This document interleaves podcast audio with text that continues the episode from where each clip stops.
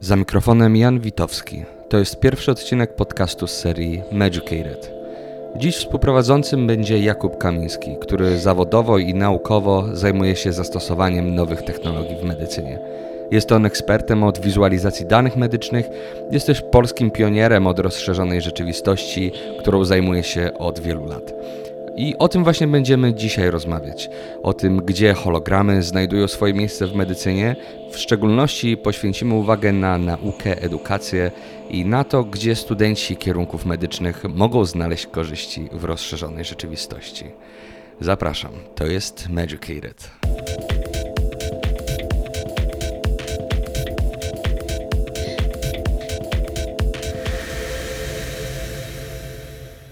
Kuba, zacznę od takiego pytania, aby sprowadzić e, wszystkich naszych słuchaczy do wspólnego punktu i wyjaśnić bez słownikowych terminów, czym jest rozszerzona rzeczywistość, czym są hologramy w najprostszych słowach, tak aby każdy mógł zrozumieć, nawet jeśli nie miał wcześniej do czynienia z tą technologią.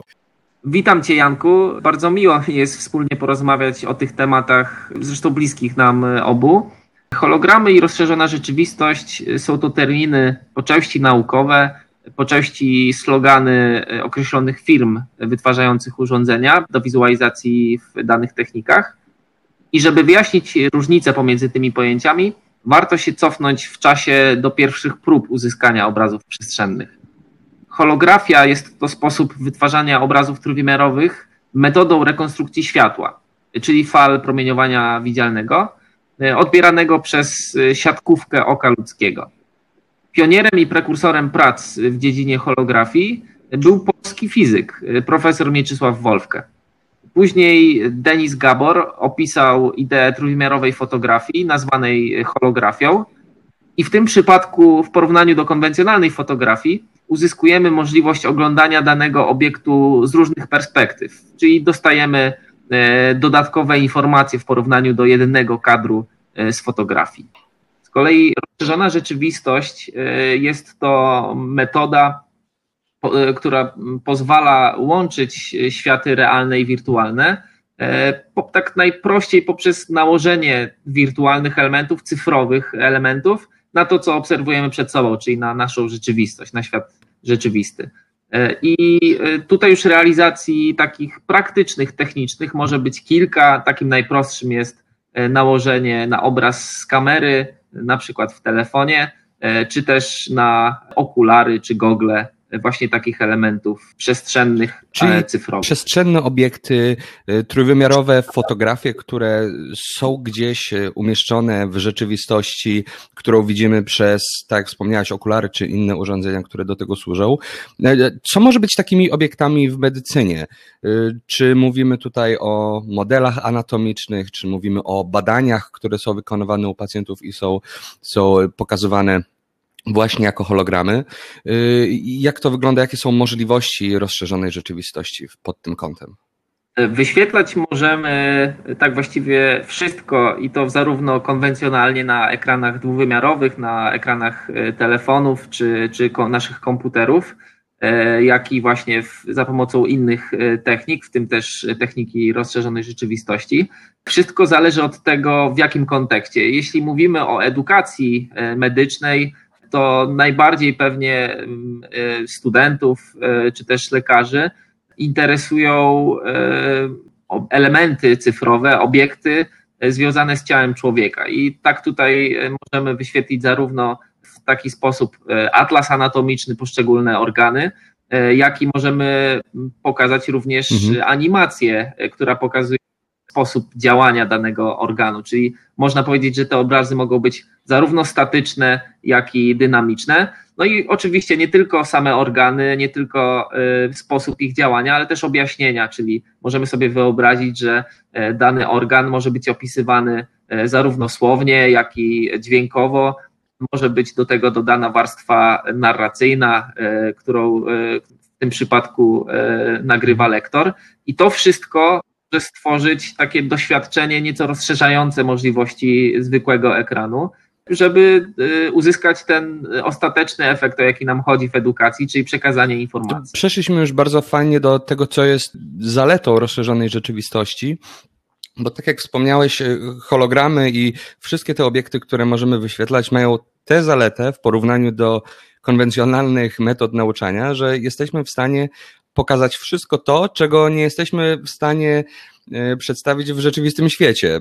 Biorąc pod uwagę, jak wygląda obecnie nauka anatomii, e, gdy mamy preparaty, idziemy do prosektorium i oglądamy weźmy pod uwagę na przykład model kości i w prosektorium jest to prawdziwa kość, e, tak w rozszerzonej rzeczywistości możemy tę kość w dowolny sposób przeciąć na pół, możemy zobaczyć, jak wygląda w środku. Możemy takich modeli kości załadować 50, 100, 200 i oglądać ich niezliczoną ilość. Kontynuacją tego jest to, że takie okulary, czy nawet aplikację mobilną możemy włączyć w dowolnym miejscu, więc nie musimy iść do, na zajęcia, możemy siedzieć w domu i może to służyć jako dodatek do podręczników, z których obecnie się korzysta korzystanie z hologramów, nauka na podstawie tych trójwymiarowych modeli jest nieco bardziej naturalna dla nas y, ze względu na sposób interakcji. Może za, za chwilę lepiej opiszesz, jak, w jaki sposób można wchodzić w interakcję z hologramem. Tutaj też jest dobre, dobre porównanie z innymi technologiami, jak to wygląda w rzeczywistości wirtualnej, czyli gdy zakładamy te klasyczne gogle, ale też porównanie z wydrukami 3D i w końcu z realnymi preparatami, e, że możliwość interakcji z hologramami jest za pomocą głównie rąk i głosu.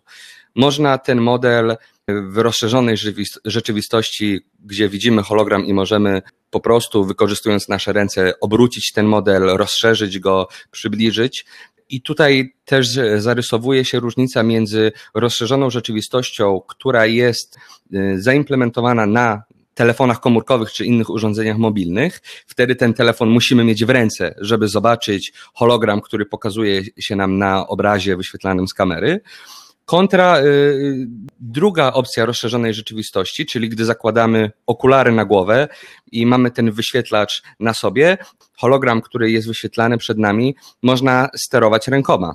Co moim zdaniem jest ogromną zaletą y, rozszerzonej rzeczywistości, że ta interakcja jest bardziej naturalna, bardziej jaką sobie wyobrażamy ją w rzeczywistym życiu. No, minusem jest to, że to nadal nie jest y, realna interakcja z obiektem fizycznym. Y, gdy weźmiesz do ręki y, model, model kości, gdy weźmiesz do ręki prawdziwy preparat wątroby, każdy z tych preparatów ma swoje właściwości fizyczne, inaczej się go dotyka, inaczej się go czuje. W przypadku rozszerzonej rzeczywistości, ale nie tylko, nie ma tego wrażenia, nie ma tej haptyki, o której się często mówi, więc y, nie czujemy tego modelu. Czy, czy to jest problemem w wykorzystaniu rozszerzonej rzeczywistości, Twoim zdaniem, że, że nie ma tej haptyki w tym momencie, nie możemy poczuć tych modeli? Tak, tutaj nawiązałeś do, do tak właściwie dwóch y, głównych wątków, czyli do interakcji w czasie rzeczywistym czyli do jakby zmiany e, właściwości tego obiektu, elementu cyfrowego, który jest przed nami, który widzimy, e, ale też do również poruszania się w otoczeniu tego obiektu, czyli również wchodzenia w interakcję z nim, tylko nie tak bezpośrednio. Można to jakby e, porównać takimi dwiema sytuacjami. Mamy przed sobą wizualizację powiedzmy pracującego serca albo pracujących płuc i teraz owymi płucami czy modelem płuc y, lub serca możemy obrócić i wtedy wpływamy na y, ten obiekt poprzez na przykład, tak jak wspomniałeś, gesty czy wypowiedzenie jakichś konkretnych komend głosowych, ale możemy również obejść te obiekty, mając na sobie na przykład gogle mhm. lub trzymając w ręce telefon i patrząc na obraz z kamery tego telefonu i wtedy również można powiedzieć wchodzimy w interakcję, bo jeśli zbliżymy się do tego obiektu, E, na powiedzmy e, kilkanaście, kilkadziesiąt centymetrów, to możemy wchodzić do wnętrza tych obiektów. E, I wtedy znowu wchodzimy z tymi obiektami w interakcję, ale tutaj znowu też trzeba nawiązać chyba do dwóch trochę podobnych do siebie pojęć, czyli do rzeczywistości rozszerzonej, o której mówimy od początku, jak i rzeczywistości mieszanej. Granica jest tutaj taka niejasna, czy też można nazywać te same technologie zarówno rzeczywistością mieszaną, jak i rozszerzoną rzeczywistością, w zależności od tego, jakim doświadczeniem mamy do czynienia, jakie mamy przed sobą, e, bo e, rozszerzona rzeczywistość powinna nam pozwalać na łączenie tego świata realnego i wirtualnego, na interakcję w czasie rzeczywistym, e, no i na owe ruchy, na swobodę ruchów w trzech wymiarach. ale rzeczywistość mieszana powinna oferować już nieco więcej. To znaczy, powinna nam pozwalać na podejście hybrydowe, gdzie te światy rzeczywiste i wirtualne się ze sobą mieszają i współistnieją i oddziałują w czasie rzeczywistym.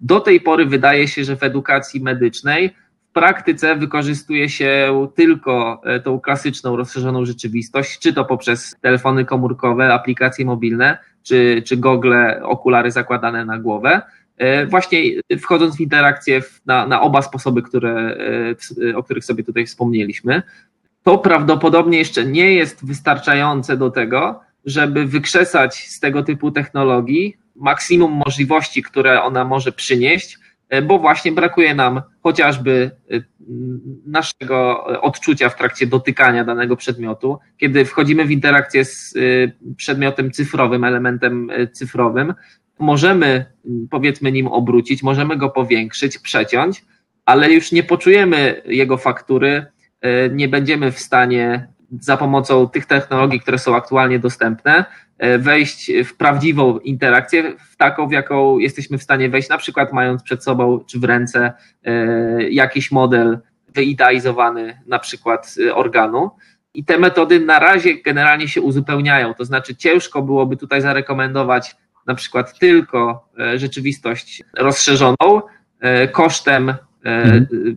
modeli, preparatów, fizycznych obiektów, czy też z konwencjonalnej wizualizacji, czy to w podręcznikach, czy na, na komputerze, czy w aplikacjach mobilnych, bo prezentując te informacje, w każdej z tych metod uzyskujemy informacje komplementarne. To znaczy, na pewno rozszerzona rzeczywistość, pewnie się ze mną zgodzisz, nie, nie jest to technologia, która zastępuje te, te tutaj wymienione i e, w dobie e, koronawirusa mhm. jesteśmy w stanie za pomocą tej technologii przekazać wszystkie tak. informacje. Więc trzeba tutaj różnić za pomocą pojęć granice pomiędzy tymi technologiami, ale też wskazać na realne korzyści płynące, o których również wspomniałeś, czyli możliwość wykonania na przykład wielu symulacji czy pokazania wielu animacji dla danego obiektu, co w rzeczywistości pewnie byłoby utrudnione e, na przykład na pokazach e, w sali wykładowej, czy też e, możliwość, żeby pokazać całe spektrum patologii, jeśli mówimy o jakichś dysfunkcjach organów, które rzeczywiście w rzeczywistości rozszerzonej bardzo, bardzo dobrze jest pokazać taką na przykład klasyfikację i to na przykład jak, e, czym się różnią e, oba tak, przypadki. Mam tę dobrą okazję, że mogłem porównać, jak wygląda standardowa edukacja anatomii na, na medycynie i e, jakie są wady związane z tą, z tą metodą, bo oczywiście to jest idealna, idealna sytuacja, kiedy mamy dostęp do wysokiej jakości preparatów, kiedy możemy zobaczyć każdą strukturę anatomiczną w rzeczywistości, ale realnie wygląda to tak, że zazwyczaj preparatów jest mało. Często te preparaty są w słabej jakości. Często jest tak, że stoi 30 studentów dookoła jednego preparatu i każdy chce go zobaczyć przynajmniej na 3 minuty i nie ma dobrej możliwości, aby zaznajomić się z tymi preparatami w swoim tempie, po godzinach. Właściwie jedyna okazja, żeby obejrzeć ten preparat, obejrzeć model z każdej strony, jest w trakcie tych kilku godzin, które spędza się w prosektorium. Rozszerzona rzeczywistość pozwala na to, że możesz wziąć ten model do domu yy, wirtualny i obejrzeć go sobie w dowolnym momencie. Pytanie tylko brzmi, i to jest chyba kluczowe pytanie, które trzeba sobie zadać, omawiając, yy, zestawiając korzyści i wady rozszerzonej rzeczywistości.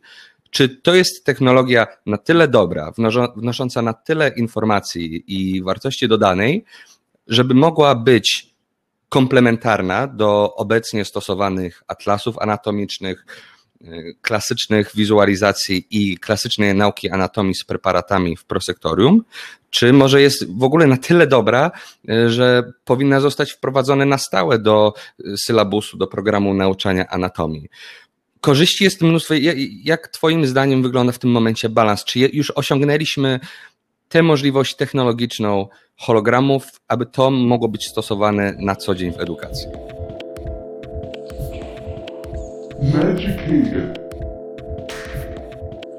To jest e, bardzo dobre pytanie, na które ciężko tak bezpośrednio oczywiście e, odpowiedzieć, bo to pewnie będzie zróżnicowane w zależności od tego, jak wyglądają te konwencjonalne kursy. W wielu państwach one jednak wyglądają zróżnicowanie, to znaczy są realizowane bardzo konwencjonalnie, są już wspomagane przez wizualizację na komputerach, czyli takie atlasy cyfrowe i to pewnie, pewnie masz okazję też e, dostrzegać mhm. w Stanach Zjednoczonych, teraz tam będąc, e, również w klinikach medycznych na, na co dzień bo to mówimy o edukacji nie tylko studentów na kierunkach medycznych, ale również edukacji pacjentów, edukacji lekarzy w trakcie tak. specjalizacji, już po, po owej.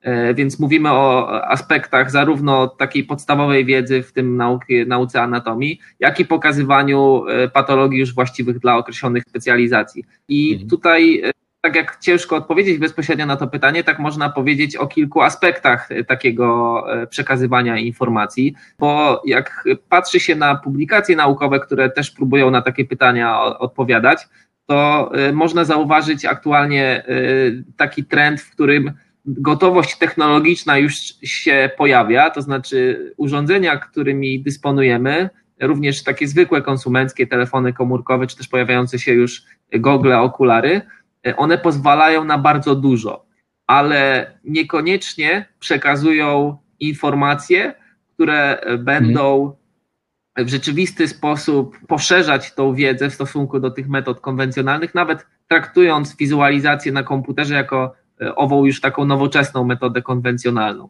Więc w tym przypadku e, rozszerzona rzeczywistość daje możliwość e, takiej zaawansowanej wizualizacji technicznie, ale to zdecydowanie od osób, które tworzą tego typu doświadczenia, zależy, czy to będzie tylko tak zwane demo technologiczne, bardzo ładne, ale jednak nie wnoszące zbyt wiele, czy też realna informacja, którą można e, na przykład zawrzeć w kursie.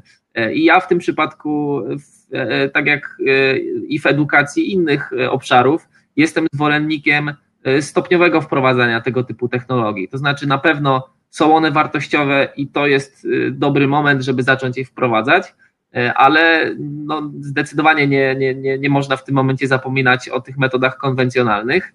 I taki balans w tym przypadku to jest, y, zdaje się, łączenie. Pytanie y, dodatkowe może być takie, czy, y, czy łączyć to możemy już w przedmiotach kursowych, osoby, które chciałyby posiąść taką dodatkową wiedzę dzięki tego typu technikom, e, no, są zdani sami na siebie, czyli powinni e, korzystać z dodatkowych materiałów po zajęciach. Mhm prawdopodobnie te materiały już się pojawiają w takiej konwencjonalnej dystrybucji, na przykład jako aplikacje mobilne, są już atlasy stale uzupełniane, również kompatybilne z tymi najnowszymi te, telefonami, które już, już sporo potrafią w dziedzinie wizualizacji.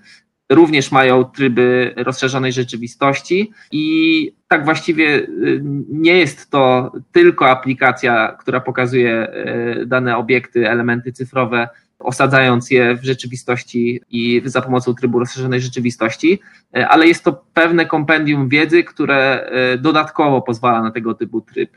I myślę, że to jest dobry, dobry sposób, zwłaszcza jeśli się patrzy na trendy w państwach bardziej rozwiniętych cyfrowo, takich jak na przykład państwa azjatyckie, gdzie tego typu aplikacje pojawiają się jako aplikacje kursowe. To znaczy wtedy to nie tylko studenci czy też lekarze pobierają typu aplikacje, ale również uczelnie podejmują współpracę, tak aby takie materiały się pojawiały dla całych grup kursowych. Tak, myślę, że za chwilę omówimy sobie nawet, gdzie na świecie i w Polsce w tym momencie już zaczyna się stosować rozszerzoną rzeczywistość. Wcześniej chciałem wrócić do Twojego punktu, w którym powiedziałeś, że technologicznie często rozszerzona rzeczywistość już jest gotowa na wprowadzenie do edukacji. Natomiast okazuje się, że to, jak wyglądają te aplikacje, nie od strony technicznej, czy nawet nie od strony y, jakości wykonania ich, ale tego, w jaki sposób się uczy studentów, y, to jest obszar, w którym sporo brakuje. I żeby nie być gołosłownym, y, jest badanie wykonane na Uniwersytecie Łotewskim w Rydze, w którym 41 osób było przebadanych pod kątem aplikacji mobilnych do nauki anatomii właśnie w rozszerzonej rzeczywistości. Badacze porównywali kilkanaście aplikacji i zestawili ich cechy w trzech grupach. Dwie z tych grup y, odnosiły się do tego, w jaki sposób wykonana jest aplikacja i w jaki sposób y, jest zorganizowana treść w tych aplikacjach. I to są dwie kategorie, w których właściwie wszystkie programy, patrząc na średnią punktację, spisywały się naprawdę dobrze. Wykonanie aplikacji, to jakie jakości były modele trójwymiarowe, to wszystko było na bardzo wysokim poziomie, ale gdy przejdziemy do kategorii, w których oceniano, jak prezentowane były treści, e, w jaki sposób był wykorzystany przepływ informacji, jaki sposób był doboru treści, jaka była elastyczność w wyborze informacji, to był bardzo wąski zakres, bardzo ograniczone były te wszystkie aplikacje. Brakowało elementów, które by pobudzały wszystkich użytkowników do nauki.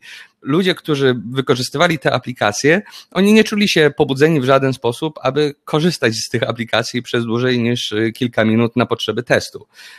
Nie było w tych aplikacjach żadnych testów, podsumowań, możliwości nauki z innymi osobami, czyli wszystkich tych elementów, które mamy w klasycznej anatomii i w klasycznej nauce, dzisiaj bez tych technologii. Więc nawet mając kilkadziesiąt aplikacji do wyboru, można odnieść wrażenie, że to nadal jest y, może nie zabawka, ale urozmaicenie anatomii. Oczywiście y, wiele osób lubi gromadzić materiały y, i jeśli jest tylko nowa metoda za pomocą której można się uczyć, tak jak wiele studentów medycyny korzysta z aplikacji mobilnych, które mają atlasy anatomiczne w aplikacji. Tak, i na pewno wiele osób będzie chciało sobie przetestować taką możliwość. Przy czym osobiście nie sądzę, żeby w tym momencie bez dobrego doboru treści, takiego jak to się robi w konwencjonalnej nauce anatomii, żeby to wyparło klasyczną naukę. Natomiast y, wracając też do tego, jak wygląda nauka anatomii dziś, ja mówię pod kątem oczywiście swojego doświadczenia i y, tego, że miałem możliwość nauki anatomii na preparatach w prosektorium, ale nie wszystkie uniwersytety, w tym nie wszystkie uniwersytety w Polsce mają taką możliwość. Jest y, coraz więcej szkół, które oferują kierunek lekarski i te nowe kierunki lekarskie nie często, a wręcz rzadko mają dostęp do prosektorium. One często korzystają na przykład ze stołów anatomicznych lub wyłącznie uczą się na podstawie atlasów anatomicznych. I to jest zdecydowanie pole, które może być odkryte y, przez rozszerzoną rzeczywistość, Oczywiście, jeśli, jeśli, jeśli wszystkie obecne problemy techniczne zostaną pominięte, ale tempo rozwoju, chyba się zgodzisz, y, w ostatnich latach jest na tyle dobre, że jest perspektywa znaczącego rozwoju technologii w najbliższych latach i obejścia wszystkich y, problemów technicznych. Tak, tutaj, tutaj y, można też nawiązać do takich podejść, w których łączy się, można powiedzieć, obiekt fizyczny właśnie z technikami cyfrowymi prezentacji rozszerzonej rzeczywistości, czy to poprzez tak zwaną projekcyjną rozszerzoną rzeczywistość, gdzie się wykorzystuje zwykłe konwencjonalne projektory, takie jakie służą do wyświetlania filmów w kinach, czy też e, w kinach domowych. I tutaj, czy też, czy też taką bardziej, e, można powiedzieć, technicznie wymagającą za pomocą okularów i gogli. I w tym przypadku bardzo, bardzo dobrze można zrealizować takie zadanie, w, w którym to chcemy przekazać jakąś informację o, zwłaszcza o tych procesach, które są dynamiczne, a przecież e, głównie takie występują na, naszych organizmach.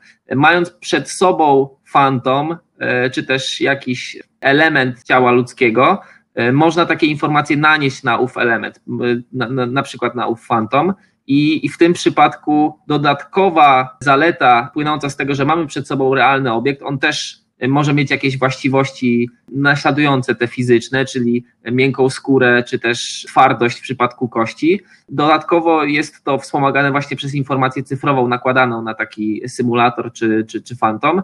Mogę tutaj y, posłużyć się też doświadczeniem E, w którym y, korzystałem z tego typu symulatorów, na przykład po to, żeby e, poznać lepiej e, profil danych zabiegów, których później miałem okazję asystować z technologią rozszerzonej rzeczywistości.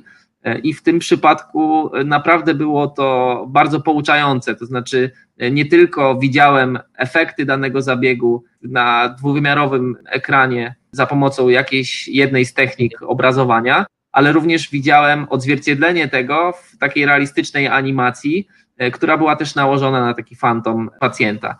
I to tak jak można tutaj odwołać się do wszystkich technik, które rozszerzają konwencjonalne podejścia, tak tutaj można je po prostu ze sobą mhm. łączyć. I wtedy zyskujemy rzeczywiście taką synergię, y, w której możemy zarówno doświadczyć tego y, świata rzeczywistego, coś dotknąć i dzięki temu lepiej poznać, zwłaszcza kiedy, tak jak wspomniałeś, e, nie ma dostępu do realnych preparatów, do takiej konwencjonalnej ścieżki, jak i dodać tutaj jakąś wartość, żeby na przykład daną informację przekazać szybciej, lepiej. Tutaj też można odnieść się do edukacji nie tylko na tym szczeblu tych podstawowych przedmiotów, ale również w sytuacji, w której mm, lekarze po ukończeniu studiów, ale jeszcze przed specjalizacją na kursach specjalizacyjnych mhm. chcą e, nauczyć się e, operatywy, prawda, bez tak. możliwości, żeby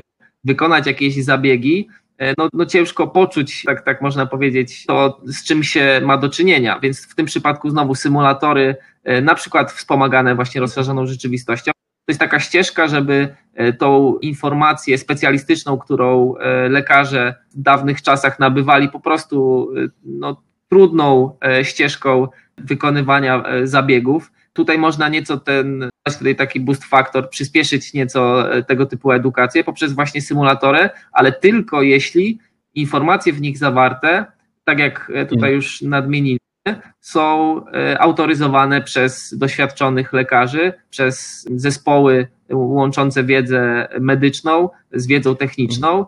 No i w tym przypadku ma to rzeczywiście szansę powodzenia i tak jak to można do tego nawiązać, nie tylko za granicą, ale również w Polsce.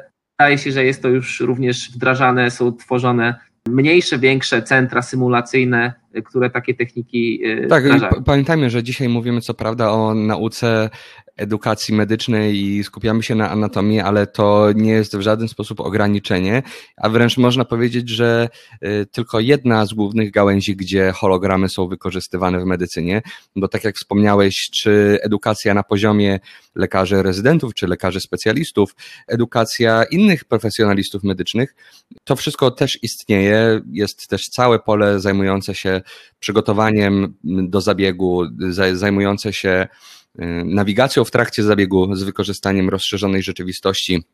Myślę, że jeszcze kiedyś będzie okazja na ten temat y, rozmawiać.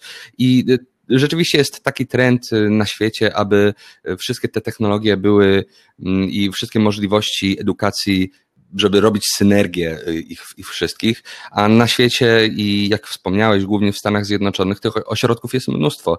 Y, można wymienić kilka, które y, robią to prawie na co dzień, czy przynajmniej regularnie, chociażby szpital uniwersytecki Case Western w Ohio, szpital, w którym ja mam przyjemność obecnie pracować, Massachusetts General Hospital, gdzie jeden z radiologów interwencyjnych prowadzi taki program edukacyjny dla studentów medycyny, ale również również dla stażystów i dla rezydentów, gdzie wykorzystuje innymi rozszerzoną rzeczywistość do nauki anatomii i radiologii interwencyjnej.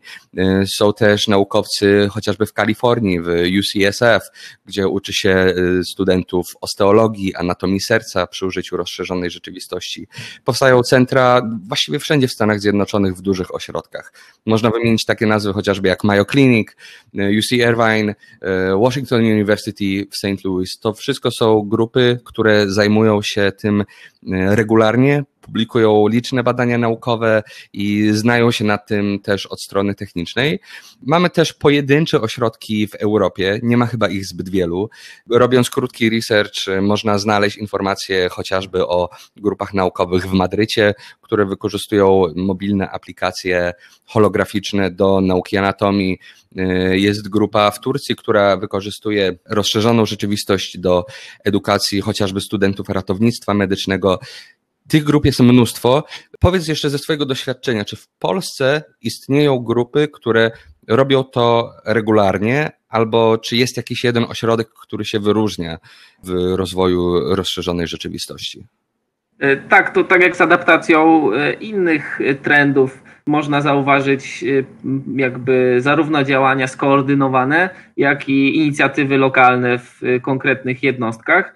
Polsce wydaje się, że nie ma takiego skoordynowanego programu mhm. dla wielu uczelni medycznych, biorąc je jako tutaj przykład ale na pewno są inicjatywy lokalne, czy to na Warszawskim Uniwersytecie Medycznym, czy w Uniwersytecie Jagiellońskim w Krakowie, czy też e, również nawiązując do tych e, centrów symulacyjnych, e, można je zdecydowanie zlokalizować w Gdańsku. Są również inicjatywy, które można powiedzieć, dopiero są tworzone i ich efekty pewnie e, będzie można e, zobaczyć dopiero za kilka miesięcy, czy nawet za kilka lat.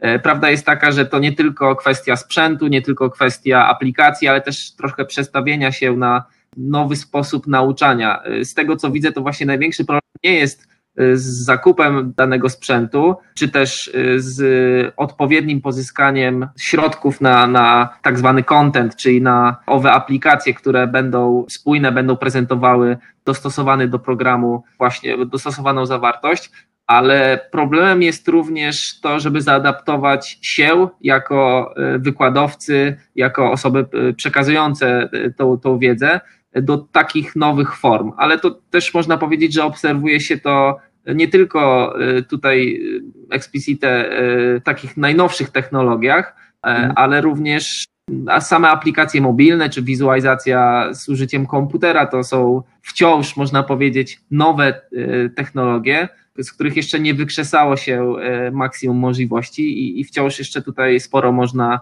zrobić. I tak jak wspomniałeś o tym, że E, to nie tylko zaawansowanie technologiczne, to nie tylko sposób wizualizacji, ale również umiejętne e, wplecenie w tego typu aplikacje e, szeregu technik, które pomagają, żeby dane informacje lepiej zapamiętać, je zweryfikować, czyli właśnie ankiety, możliwość wejścia w interakcję. Zawsze lepiej, kiedy osoba, która uczy się czegoś, nie tylko usłyszy od lektora, czy też od wykładowcy o jakiejś informacji, ale będzie w stanie ją też przetworzyć w praktyce, czyli wszystkie, wszystkie, wszystkie te praktyczne e, możliwości wchodzenia w interakcje, owe symulatory, e, jak i później e, samouczki i, i te podsumowujące wiedzę, sposoby jej, jej sprawdzenia. Całokształt tego typu technik, jeśli jest skutecznie ze sobą połączony, może, może przynieść te dodatkowe korzyści i jak, tak jak wspomniałeś, zauważa się je na pewno zarówno e, w publikacjach naukowych e, o nich traktujących, jak i w kursach na uczelniach zagranicznych, ale również szczęśliwie na polskich uczelniach. Na pewno jeszcze parę lat pozostało, żebyśmy wykrzesali maksimum z tych technologii, jak już wspomniałeś wielokrotnie. To na koniec chciałem zadać takie może nieco futurystyczne pytanie. Jak sobie wyobrażasz taką cyberpunkową przyszłość y, z rozszerzoną rzeczywistością w medycynie. Osobiście też sądzę, że taka realna przyszłość, w którym będziemy mieli powszechne zastosowanie holografów w edukacji czy w życiu codziennym, przyjdzie razem z rozwojem technologii, która będzie y, tak dostępna komercyjnie. Załóżmy taką całkowicie futurystyczną wizję, gdy zakładamy okulary z wyświetlaczami do rozszerzonej rzeczywistości, czy soczewki kontaktowe. I wtedy mając to wszystko, tak jak telefon komórkowy stał się narzędziem do wielu rzeczy, tak powiedzmy jeśli rozszerzona rzeczywistość kiedyś osiągnie taki status zaawansowania, będzie wykorzystywana na co dzień do różnych y, pól y, i między innymi edukacja będzie jednym z nich. Czy masz jakąś wizję przyszłości rozszerzonej rzeczywistości, y, mniej lub bardziej abstrakcyjną, y, w którą stronę to idzie? W tym przypadku taka najbardziej dla mnie kusząca wizja, w którą osobiście wierzę i mam też na, nadzieję, że będę miał okazję przyczynić się do, przynajmniej w części, do, do realizacji owej, to jest wizja, w której łączymy okulary czy też gogle, które no prawdopodobnie w przyszłości nawet y, zredukują się do soczewek kontaktowych, wyświetlających te informacje bezpośrednio do naszych oczu, połączonych y, z tym, czym y, dzisiaj posługujemy się na co dzień, czyli telefonów komórkowych, które prawdopodobnie również ulegną jakiejś miniaturyzacji. Część z obliczeń przeniesie się do do, do chmur obliczeniowych i tego typu połączenie, czyli przekazywanie informacji bezpośrednio do naszych oczu z możliwością poszerzonej mocy obliczeniowej pozwoli na realizację bardzo wielu scenariuszy, nie tylko w konwencjonalnej nauce struktur anatomicznych, ale również w bardziej zaawansowanych schematach, w których symulacje czasu rzeczywistego będą również mhm. Pomocne zrozumieniu y, procesów dynamicznych, które, które zachodzą w ciele człowieka. Jak i również, do, do czego również, do, do czego też nawiązywaliśmy, czyli tej edukacji po studiach, czyli nauki konkretnych specjalizacji medycznych, również tych, które wymagają operatywy, wykonywania zabiegów, czy to mniej inwazyjnych, czy, czy chirurgicznych we wszystkich tych obszarach to, czym e, dzisiaj e, się posługujemy, e, rozszerzone o możliwość jeszcze lepszej interakcji, jeszcze lepszego wchodzenia w interakcję z tymi obiektami cyfrowymi, da w rezultacie, można powiedzieć, przyspieszone możliwości nauki określonych obszarów.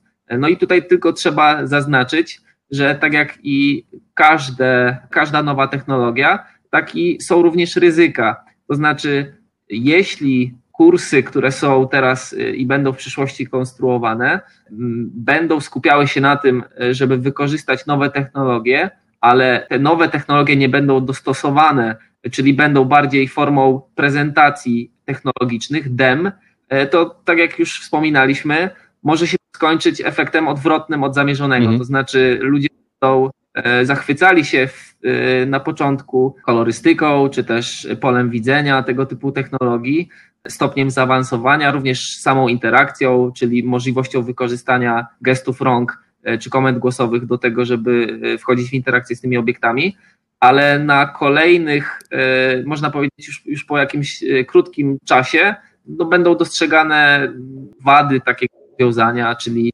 narzuty czasowe związane mm. z włączeniem tych urządzeń, z wyświetleniem ich, z koniecznością wznawiania sesji, czy też z przekazywaniem samych informacji pomiędzy e, sobą. Mając jakiś obiekt rzeczywisty, wszyscy go widzimy, możemy e, o nim dyskutować. W przypadku e, dodatkowej informacji cyfrowej trzeba ją współdzielić, trzeba mhm. wykorzystywać komunikację pomiędzy tymi urządzeniami. Także, no, no tak, jak, tak jak można powiedzieć, jestem entuzjastą technologii i widzę w nich duży potencjał, również przy nich pracując, tak dostrzegam e, dużo ryzyk związanych z nieprawidłową, e, nieoptymalną adaptacją. Mhm. Myślę, że tego typu e, podcasty, które też mam nadzieję będziemy kontynuować w różnych obszarach nowych technologii, będziemy starali się zmierzyć zarówno z zaletami, jak i z wadami owych rozwiązań. Czyli jest jeszcze dużo, jest jeszcze dużo do zrobienia, ale to nie jest złą rzeczą, bo dużo pozytywnych y, zalet może to przynieść dla, dla nowych technologii, w tym dla rozszerzonej rzeczywistości. Tak, zdecydowanie. No, takie słowo na koniec to y, trzeba być dobrej myśli, ale warto też aktywnie y, pomóc w tym, żeby ta adaptacja była prawidłowa. I to jest doskonałe podsumowanie. Dziś ze mną był Jakub Kamiński, współprowadzący tego podcastu. Ja nazywam się Jan Witowski. To był pierwszy odcinek podcastu z serii Magicated. Dziękujemy za uwagę. Dziękuję również.